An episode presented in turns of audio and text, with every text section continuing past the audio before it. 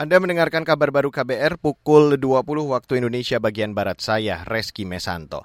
Saudara Wakil Presiden Maruf Amin meminta DPR membuat undang-undang yang mengatur kewajiban zakat, infak, dan sedekah atau ZIS guna menanggulangi kemiskinan di Indonesia.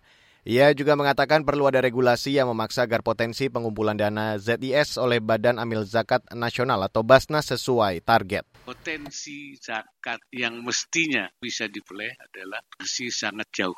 Sekarang baru mencapai 10 persen. Jadi 10 persen dari potensi. Realisasinya baru 10 persen. Berarti masih harus 90 persen lagi. Jadi kalau sudah 90 persen, saya kira tidak akan ada orang miskin lagi di Indonesia. Wakil Presiden Maruf juga menyarankan kalangan Basnas Pusat untuk meminta fatwa kepada Majelis Ulama Indonesia atau MUI guna mempermudah pelaksanaan peraturan wajib zakat tersebut.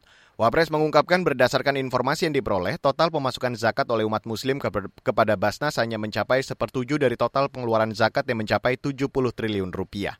Kita beralih ke berita bencana, Saudara. Pakar Geologi dan Gempa Bumi dari Badan Riset dan Inovasi Nasional atau BRIN, Dani Hilman, mengingatkan pentingnya mitigasi kebencanaan bagi masyarakat. Menurutnya, untuk masyarakat yang berada di wilayah rawan harus memiliki kepekaan dalam membaca tanda bencana.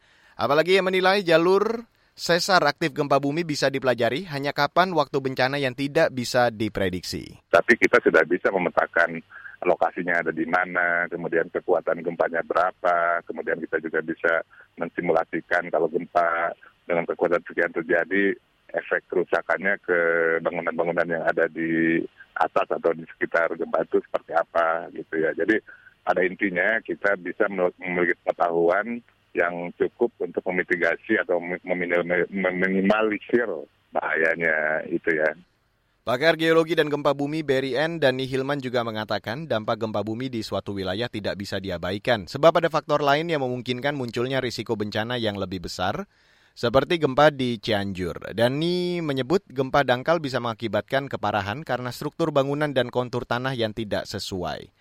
Sementara itu, Kementerian Kesehatan telah memobilisasi sejumlah tenaga kesehatan untuk menangani korban bencana gempa Cianjur, Jawa Barat. Dalam keterangan tertulis, juru bicara Kemenkes Muhammad Syahril menjelaskan, sejumlah tenaga kesehatan yang diturunkan antara lain dokter dan perawat dengan jumlah 22 tenaga kesehatan dan satu ambulan. Selain itu, kantor kesehatan pelabuhan juga menurunkan 26 tenaga kesehatan dan 3 ambulans.